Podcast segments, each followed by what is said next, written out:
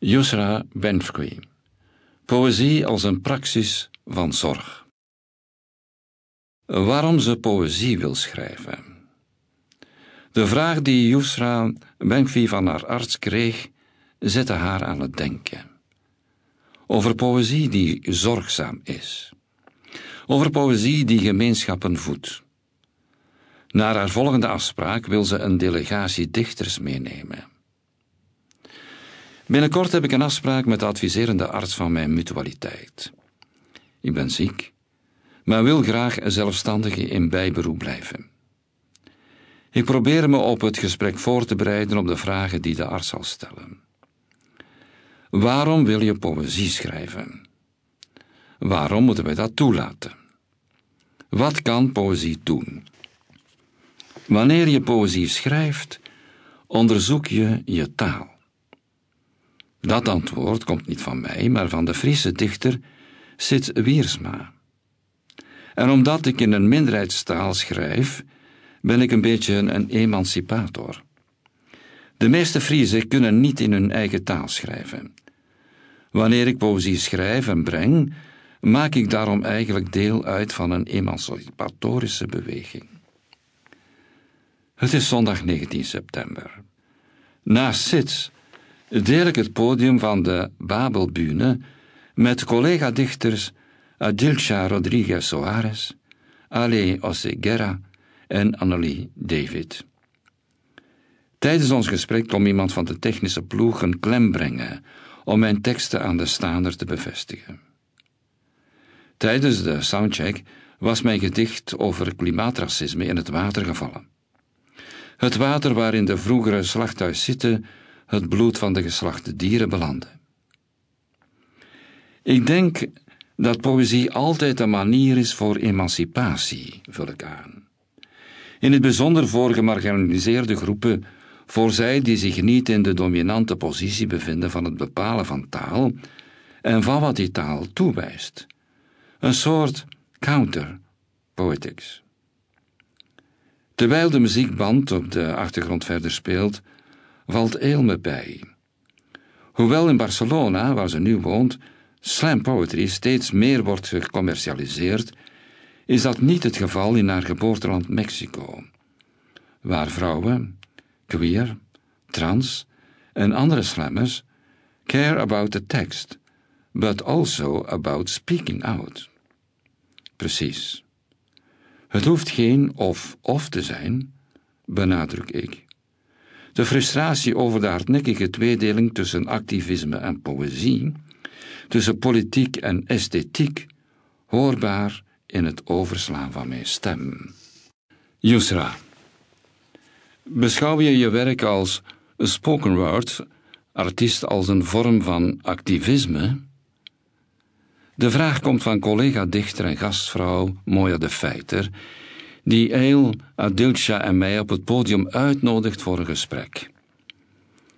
Dat vind ik een moeilijke vraag, antwoord ik. Ik heb zeker teksten waarin ik mij expliciet maatschappijkritisch uitlaat. En dat zou je activistisch kunnen noemen.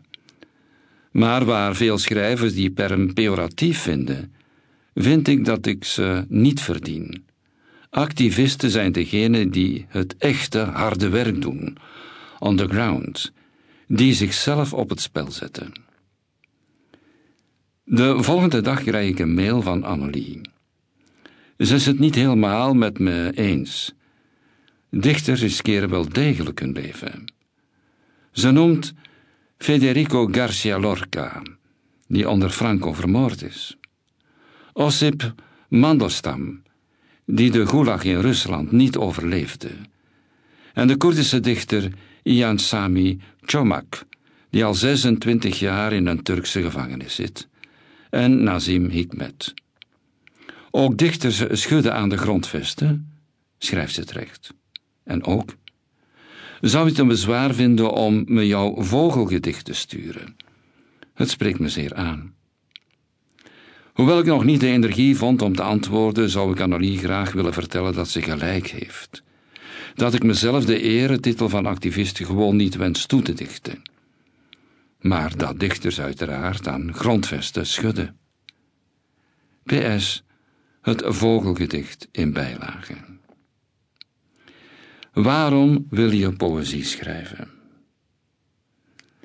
I find in moments of uprising or upheaval in society and communities, art is the way that I can be of service.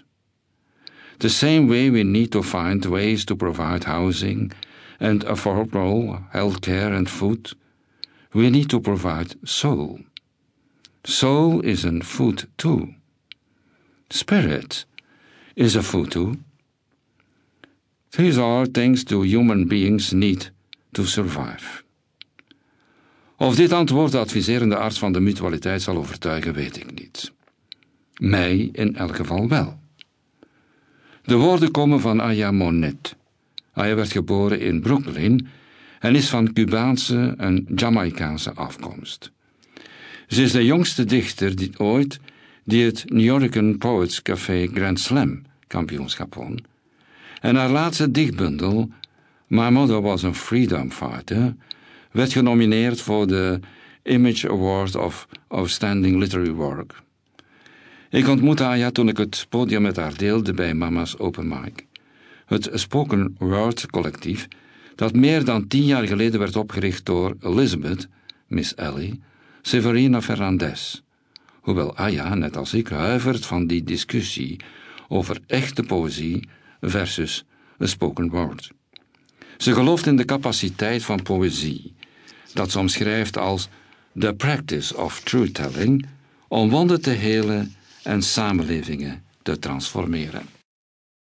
A poet's power is in our abilities to tell the truth and use everything in our poetic arsenal to shift the conditions of the poor, abused and oppressed. To balance the scales of justice. Language and literature liberates. It transforms imagination and terrain reality. Doorheen haar leven en werk ligt de nadruk op zorg en gemeenschap, op poëzie als een daad van collectief zorgdragen. I have always been someone that has tried to practice care, zegt Aya in een interview. Whatever I put in my energy into, I wanted it to reflect that there was care, intention, and purpose in it. With the intention of us collectively getting somewhere, that we were not alone, we were never alone. Centraal staat voor haar de vraag: How do we practice home with one another? How do we practice care? Hoewel ze zelf geen self-care soldier is, gelooft Anja wel in het belang van zorg dragen voor onze innerlijke wereld. Die innerlijke en de uiterlijke materiële wereld zijn verbonden. Wanneer we onvoldoende zorg dragen voor onszelf, voor het emotionele landschap van ons leven, heeft dat gevolgen voor alle andere aspecten van ons leven. Healing is not just about the physical, legt ze uit. Healing has a mental and a spiritual element to it, and poetry taps into that. Poëzie helpt ons zodoende te begrijpen dat we de materiële condities van onze levens niet kunnen veranderen als we aan het innerlijke werk verzaken. Ik moet denken aan Ode Lord in haar epiloog van A Burst of Light. Caring for myself is not self-indulgence, it is self-preservation, and that is an act of political warfare. Waarom moeten wij dat toelaten? Omdat poëzie niet slechts een accessoire is, niet slechts opsmuk van verzet of ornament. It's actually strategic and important. It is integral in how we strategize our freedom. Aldus Aya. Die bevrijdende capaciteit van poëzie ligt onder meer in de dekolonisatie van taal en verbeelding die het teweeg brengt de invraagstelling van de status quo, in creativiteit als een bron van veerkracht en levensenergie. Maar ah ja, zet poëzie daarnaast ook daadwerkelijk in als een organizing tool. Daarin bouwt ze verder op het erfgoed van The Lost Poets, voor wie poëzie een intrinsiek deel uitmaakte van de vrijheidsstrijd. Last Poet, Obiodun Oyewol, is Ayos mentor en godfather. Maar ook op wat ze de Revolutionary Blueprint noemt van de Afro-Amerikaanse dichter June Jordan. June Jordan was een sleutelfiguur in de ontstaansgeschiedenis van zwart feminisme. Hij wordt geprezen voor haar poëzie en essays over de intersecties van seksisme, racisme, homofobie en imperialisme. Net als Aya beperkte zich daarbij niet tot de VS, maar sprak ze zich ook uit tegen de bezetting van Palestina en werd zo onder meer voor Suher Hamad een belangrijke inspiratie. George's poëtica werd mede gevormd door de manier waarop ze les gaf en de interacties met haar studenten. Met Bell Hooks en Ode Lord deelde ze een kritische pedagogie die vertrok vanuit kwetsbaarheid en liefde. In The Feminist Poetry Movement beschrijft Kim Whitehead haar poëzie als communal, angry en affirmative. Net als bij veel andere schrijvers van kleur ligt de focus in haar werk niet alleen op het individu, maar op een gemeenschap, een collectief van slachtoffers van seksisme en racisme en getuigen zijn, engaged witnessing, volgens Aya van institutioneel geweld.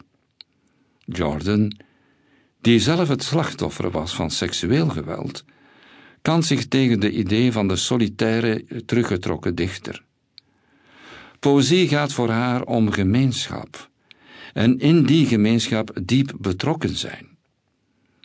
Dat inspireert om poëzie te zien als een manier to better become a beloved community, a community of truth tellers, a community of justice seekers, lovers and liberators. Ze heeft geen nood aan schrijversresidenties, maar in aan een ondergedompeld zijn in de gemeenschap. I want to be immersed in community writing.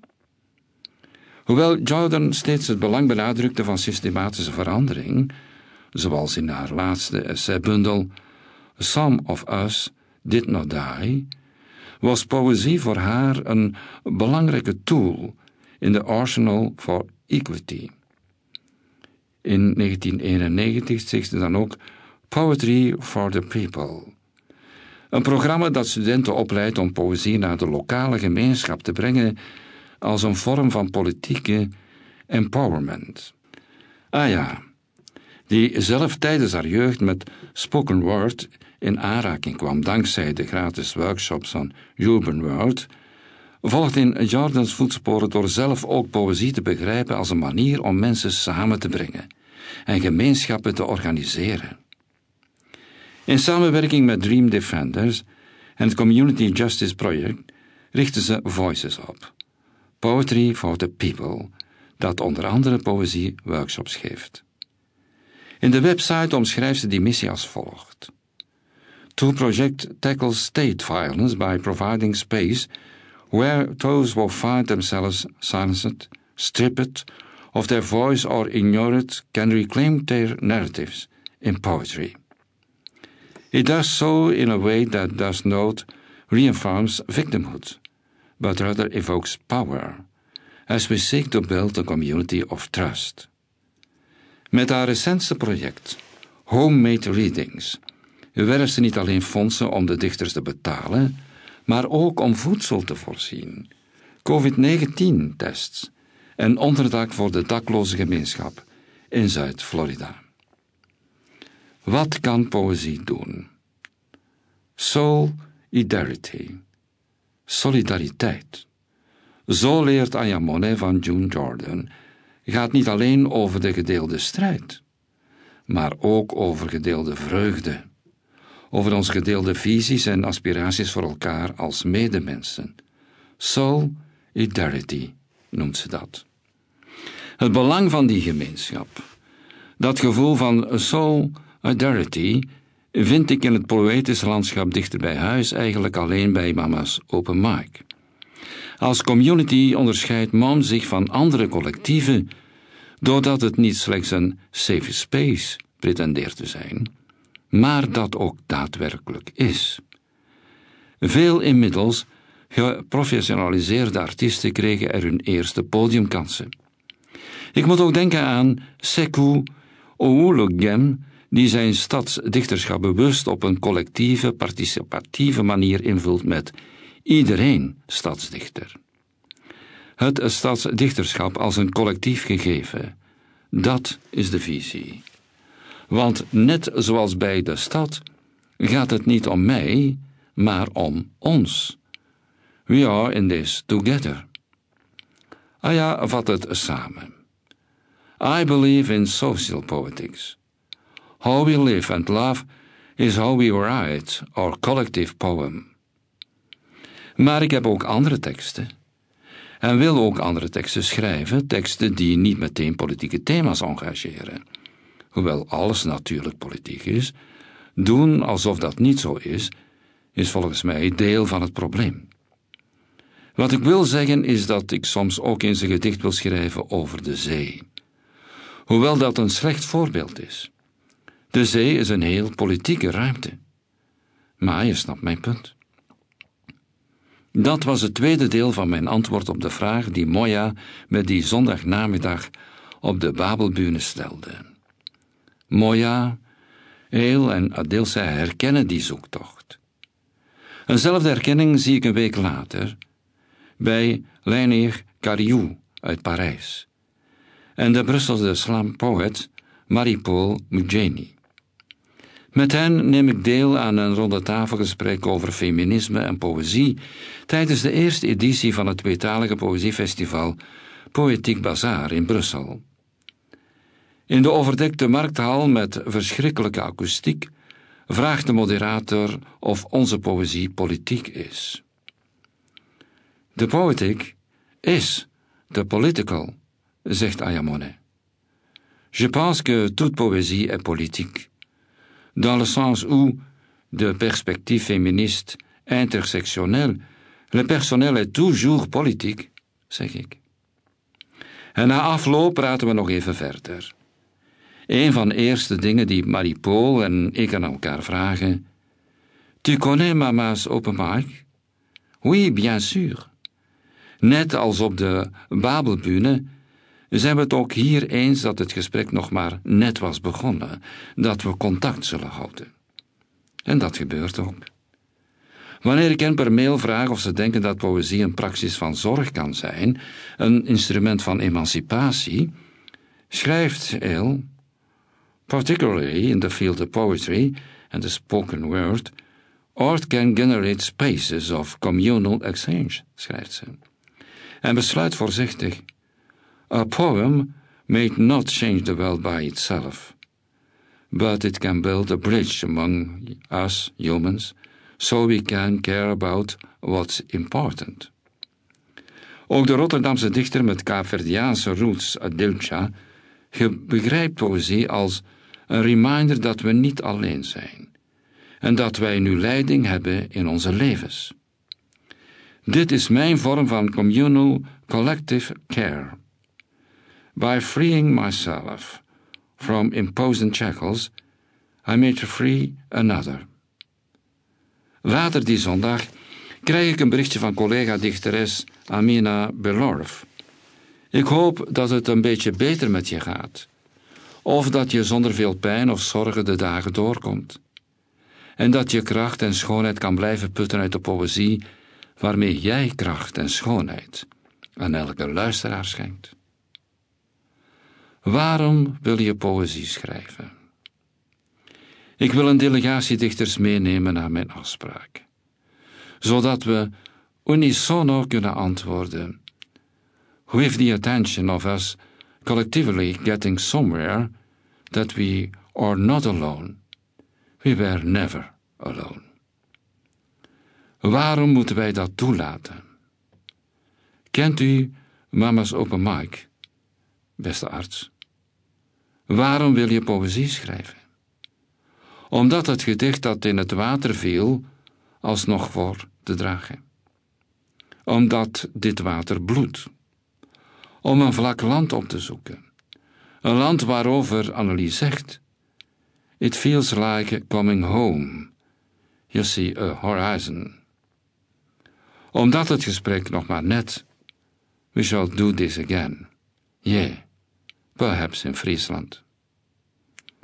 Streamers. Ook dichters schudden aan de grondvesten. Aya Monet gelooft in de capaciteit van poëzie om wonden te helen en samenlevingen te transformeren.